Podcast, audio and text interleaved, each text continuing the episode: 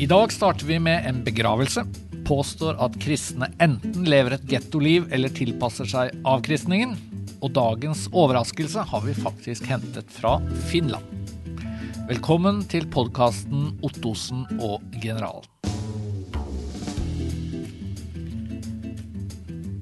Dette er andre episode av denne podkasten. Ja. Og noen har gitt beskjed om at vi burde presentert oss litt bedre i den første episoden. Godt poeng.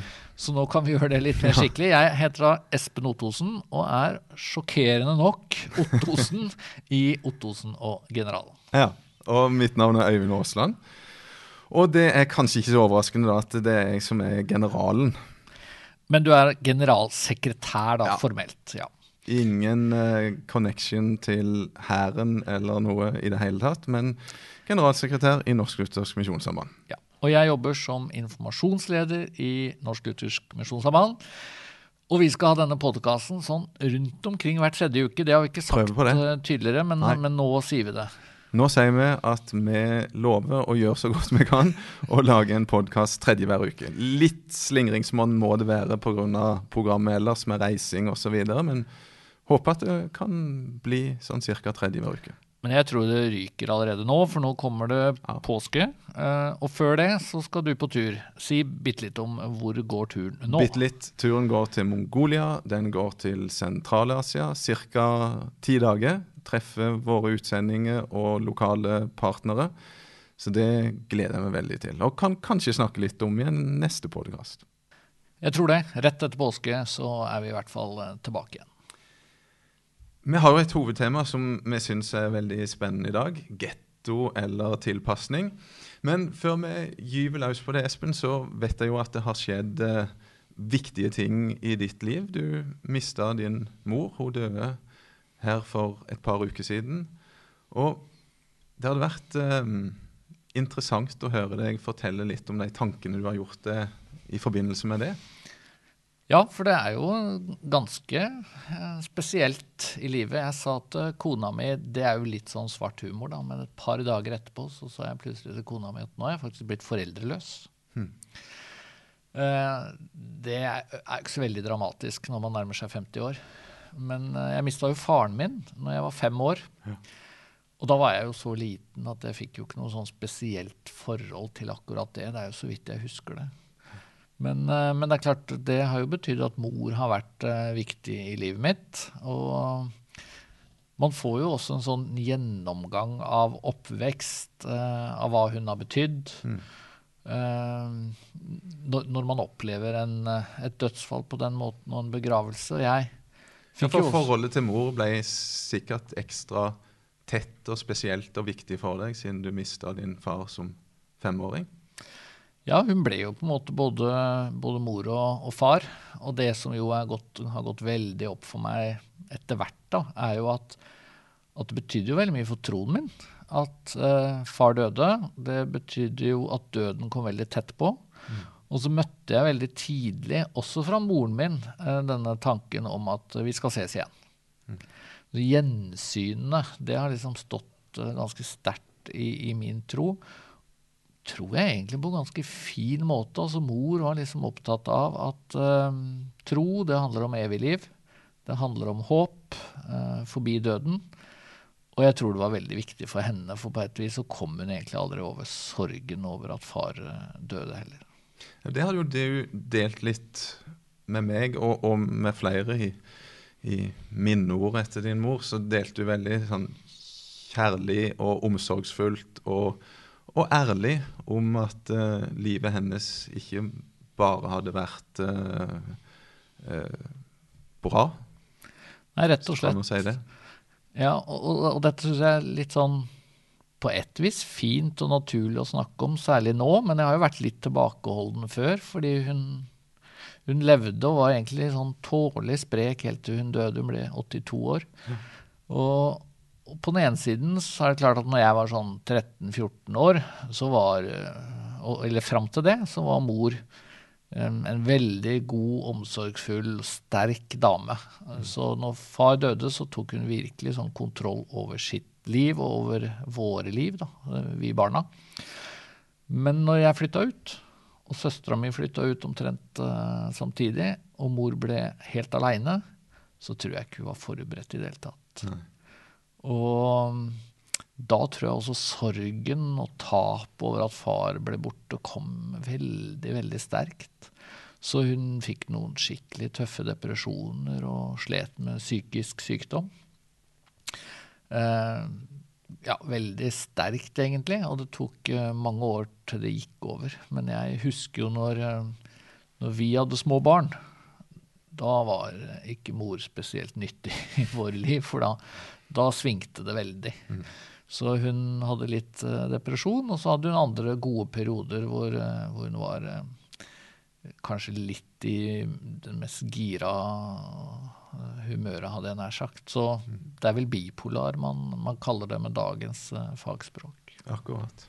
Det er jo mange mennesker som sliter med psykiske problemer i dag, og som kanskje strever med å finne ut av hva kan troa bety i en sånn situasjon.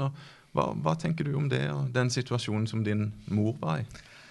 Jeg tror det kan slå faktisk begge veier. I hvert fall hvis du er eh, oppvokst med eller opplært til å tenke at uh, troen skal bare fikse alle problemer. At uh, det står jo at 'vær ikke bekymret for noe', mm. og i perioder så tror jeg min mor var veldig bekymra. Men, men, det som jeg i hvert fall så og er veldig takknemlig for, var at hun hadde en sterk tro midt oppi dette. Og, og jeg tror vi kan si at troen bar henne, da. Og kanskje det jeg akkurat har nevnt. Altså troen på at det er et evig liv i vente. Og jeg tenker jo at nå, nå er hun uh, framme. Ja. Og håp om gjensyn. Håp om gjensyn. Så det er jo et stort teologisk spørsmål da, om hun har møtt far. Det har jeg fundert mye på, men det tror jeg ikke jeg løser her og nå. Men, men, gjensynet var veldig viktig for, for, henne. Vi kan jo ta det opp uh, i en seinere podkast. Noen av de teologiske spørsmålene rundt det? Ja, vi kan løse mye, vi, når vi bare har, tar tiden til hjelp. Men, men, nå må vi også si bitte litt om at vi kommer omtrent rett fra Fellesskap 19. Ja. En uh, konferanse hvor både du og jeg talte. Uh, faktisk. Du snakket om misjon, og, og, delte faktisk litt av det du også var innom i forrige podkast. Uh, ting fra kysten av Kenya. Men Fellesskap 19, hva er det? Det kan jo være noen som lurer litt på det. Ja, Fellesskap 19, det, For det første så var det en fantastisk flott samling vi hadde nå, med mennesker fra hele landet, fra ulike typer fellesskap i NLM, som er sammen for å høre forkynnelse og dele fellesskap, og lære ting som kan være bra å ta med inn i fellesskapet. Barnearbeid, møteledelse, ja, forskjellige seminarer og forskjellige spor som det gikk an å følge. Som var godt og vel 300 mennesker som var samla her. Ulike aldre, ulike deler av landet fantastisk fellesskap. Ja, var det det du syns var eh, best med å være der? Egentlig det, ja. Å, treffe mye folk og se at her er det sånn en veldig variasjon. da. Det er ikke, det er ikke noe sånn A4-format på de som deltar på en sånn konferanse, men det er ja, som sagt alle aldre. Eh, noen ifra veldig små, kanskje helt nystarta fellesskap. Noen ifra de store byforsamlingene. og og alle så ut til å trives godt sammen og, og lære mye. Men da er det jo greit å gå i gang med hovedtema. Og vi skal snakke om to mulige grøfter for kristne. Enten at vi lever som i en getto, eller at vi tilpasser oss avkristningen. Dette er Ottosen og generalen, en podkast fra Norsk Luthersk Misjonssamband. Aller først, Øyvind, vi kan jo begynne et sted. Og det hender jo at NLM blir beskyldt for å lage gettoer for kristne. Vi har barneskoler, barnehager, videregående skoler, bibelskole. Er det en reell fare at vi melder oss ut av samfunnet, vi som er en del av Misjonssambandet og lever i små gettoer? Eller en ganske stor getto, kanskje? Ja, det, det, kan nok være en fare.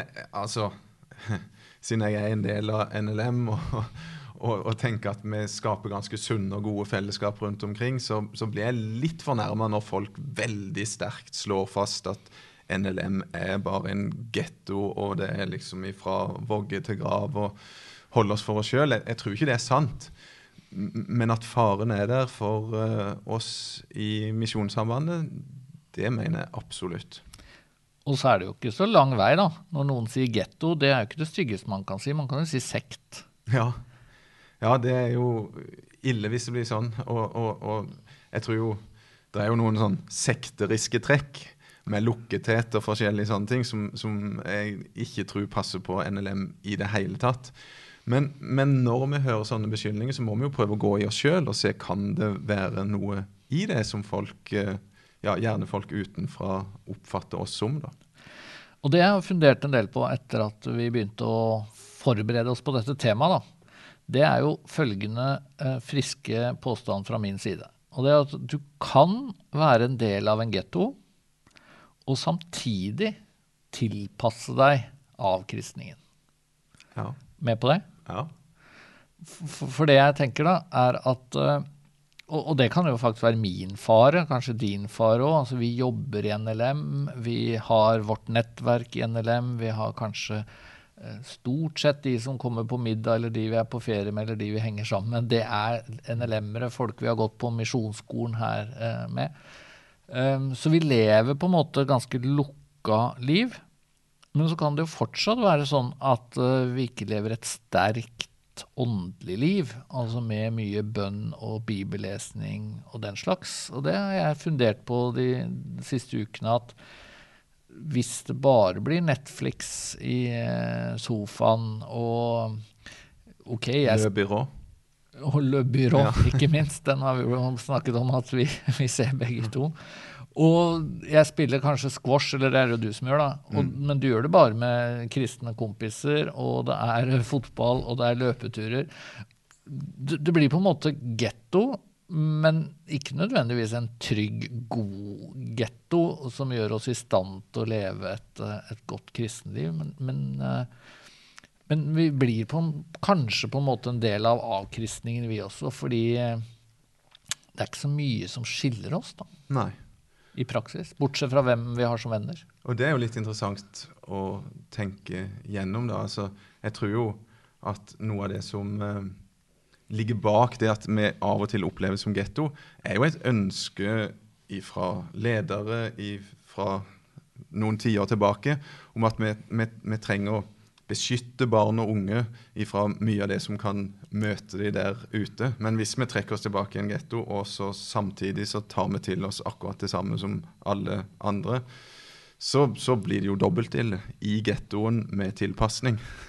ja, jeg, jeg, nei, det, det, tror jeg faktisk er noe å, å tenke over, da. Og jeg regna på det, det er ikke så veldig avansert regnestykke, men uh, i løpet av en uke så finnes det 168 timer. Mm.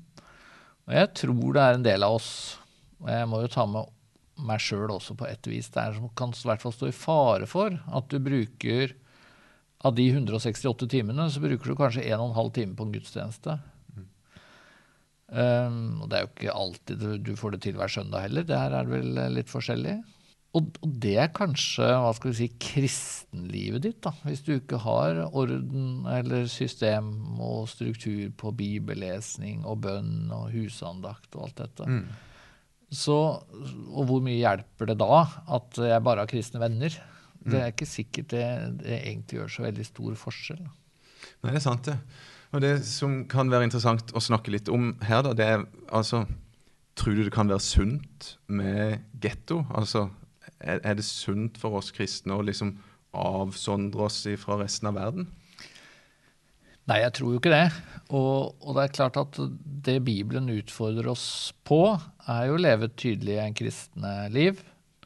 Men å se på verden som et sted vi er sendt til for å gjøre en forskjell. I verden, men ikke av verden, er kanskje et nøkkelord i den sammenhengen her? Ja. Og det er jo Jesu ord i Johannes 17. Det, vi jo, det må vi jo ta på alvor. Og, og, ja, rett og slett det å tenke at uh, vi skal bety noe for verden. Og det var et tema litt på Fellesskap ja. 19 år, det.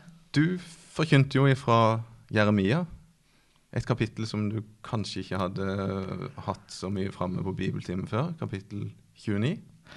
Ja, jeg fikk eh, oppfordring, eller beskjed om, at jeg skulle tale over Jeremia 29 på Fellesskap 19. Og det er en tekst jeg ikke hadde jobba så mye med. Og det syns jeg egentlig er veldig fint. det er bra, det. Å bli utfordra litt. Ja, og, og, og, lære noe nytt. og det jeg beit meg merke i, da eh, Jeremia 29 er et spesielt kapittel. Det er Jeremia. Han sitter i Jerusalem, han er profet, og så sender han et brev til jødene som bor i Babel. De er bortført dit, de lever i eksil dit. Og så skriver han bl.a. i Jeremia 29, 7. Dere skal fremme fred for den byen som jeg har ført dere til i eksil, og be til Herren for den, for når den har fred, har også dere fred. Hmm. Og det betyr altså at folket i Babel får beskjed om at de skal skape fred i den byen som de lever i, og som altså er fiendens by. De er bare noen få tusen i denne store byen hvor hedenskaper rår, hvor fienden bor. Og så får de beskjed om at de skal be, de skal skape fred. En, en sterk Involvere tekst. seg i livet i byen på en måte òg? Implisitt, eller? Ja, det må jo bety det. Ja. Um, og, og det, da kan vi jo reflektere over hva betyr det for oss i dag. Mm. Det betyr i hvert fall at uh, det er noen grenser for hvor mye vi skal gå i getto. Absolutt. Jeg, det er jo noen som har sagt til meg at det er litt dumt at NLM sitt hovedkontor ligger i Oslo. For det er en by der all elendighet og synd er på en måte samla.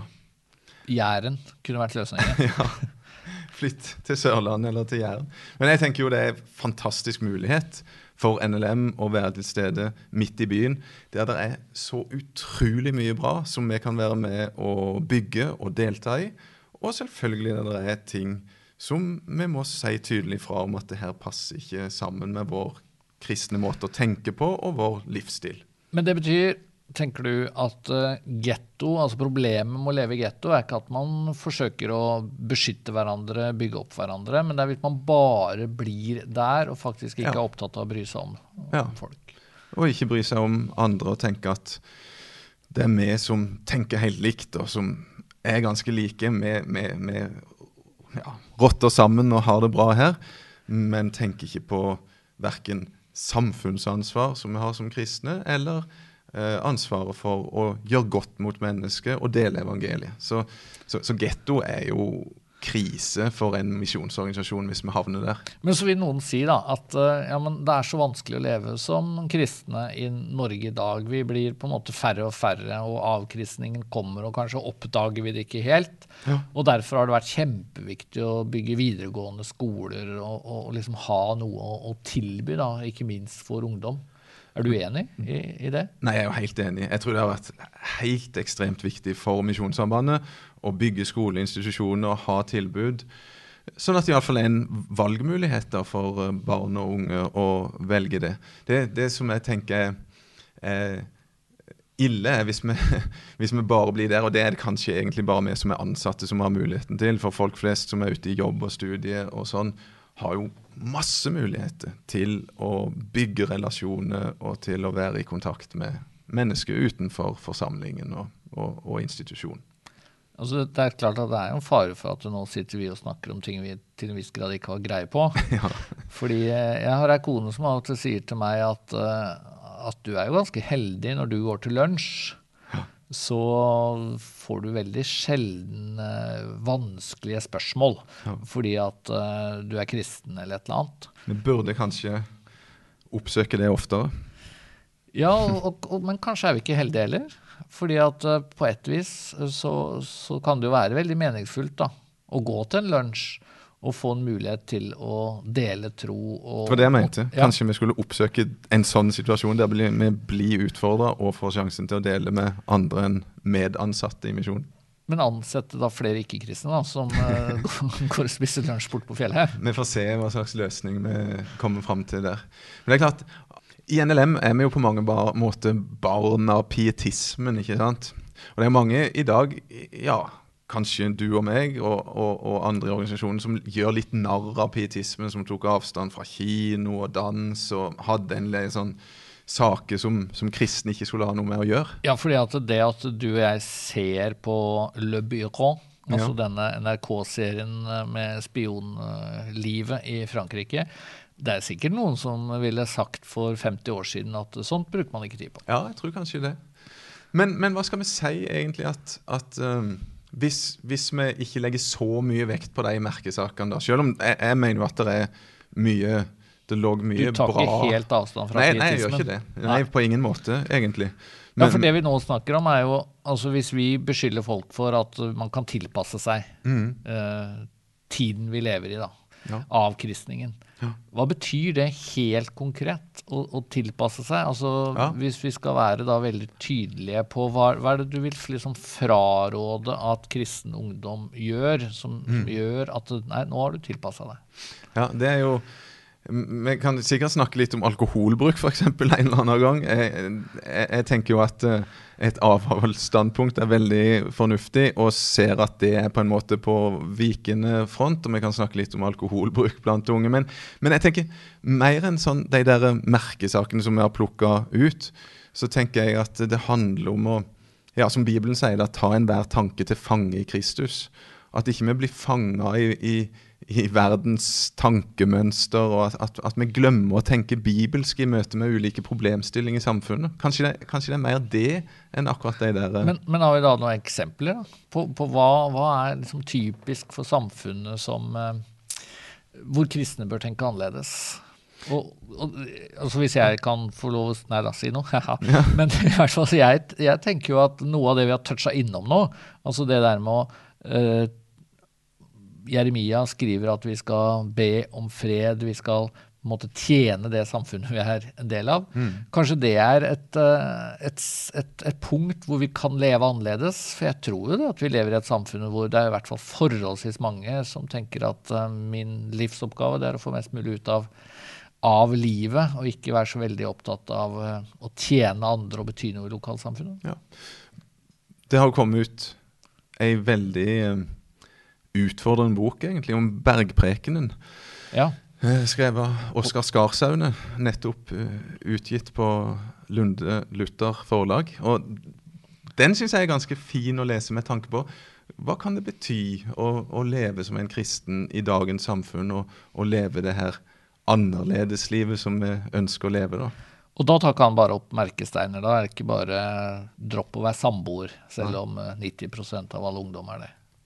Da handler det om livet totalt sett. Det handler om hva det betyr å vende det andre kinnet til, og, og, og de her radikale tingene som Jesus sier om å, om å dele med fattige osv. Så, sånn. så det, det tror jeg kan være bra for mange å, å, å lese gjennom der og få noen tanker om, om de tingene som vi har prøvd å snakke litt om nå. Ja, for det, det som er viktig med, med det du nevner nå, er jo at når vi sier at man må ikke tilpasse seg samfunnet, så, så er jo grøfta man kan gå i, er jo at man da tenker at eh, så lenge jeg ikke drikker alkohol, Ja. og så lenge jeg ikke blir samboer, Ja. hvis du er 20 år og tenker det, da har du ikke tilpassa deg samfunnet. Men det kan jo hende du da lever rett og slett et litt lite kristent liv på andre områder. Det kan være en fare for det.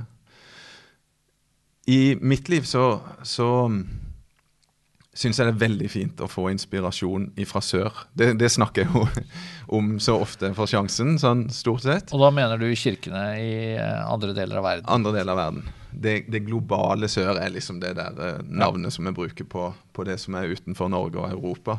Og, og, og, og jeg syns jeg ser veldig mange gode eksempler på det der eh, gode familielivet. Det, det er ikke i nærheten av noe sånn getto der en rotter seg sammen, men, men det er et sterkt og godt fellesskap blant de kristne.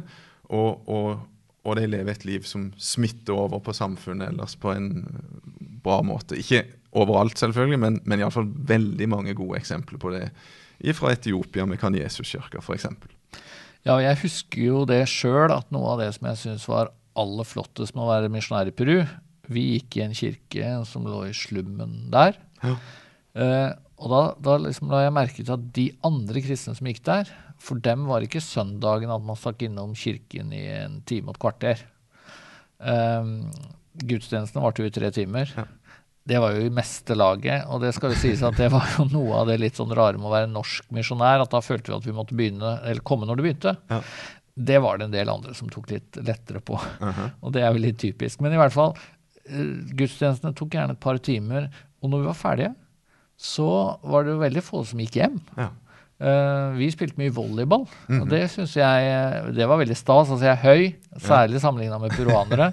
Det var veldig attraktiv å få på laget.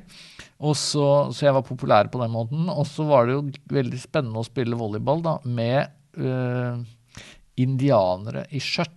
Kvinner som kanskje hadde fått sju barn og var 1,40 høye.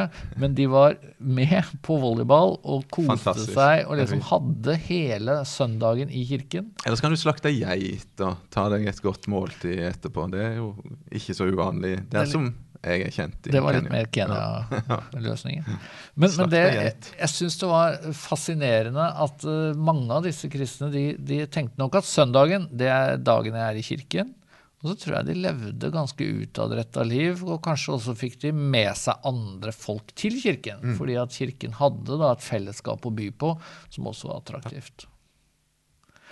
Da begynner vi å nærme oss noe som er i nærheten av det vi vil ønske og, og streve etter å oppnå i våre liv og i våre fellesskap. Absolutt. Ja. Vi skal snart til det siste temaet, nemlig dagens overraskelse. Men vi tenkte vi skulle si litt om muligheten for å sende inn spørsmål Ja. til oss. Vi har allerede fått uh, noen tips om ting vi burde ta opp, og det skal vi ta på alvor og, og, og følge opp. Ja, for folk kan jo melde inn selvfølgelig uh, temaer de tenker at vi bør diskutere, kanskje gå i dybden på. Ja. Men så Også- skal vi lokke med en ting til nå. Vi ønsker jo å være litt lettbeinte òg, da. Uh, og vi vil gjerne ha inn spørsmål, og vi skal love å ikke bruke mer enn ett minutt per spørsmål, og svare så godt vi kan. Helt konkrete spørsmål. De som det altså går an å svare noenlunde fornuftig på, uten at vi må ta det opp som en hovedsak eller noe sånt. Ja. Da svarer vi kort og greit, maks ett minutt. Men nå til dagens overraskelse.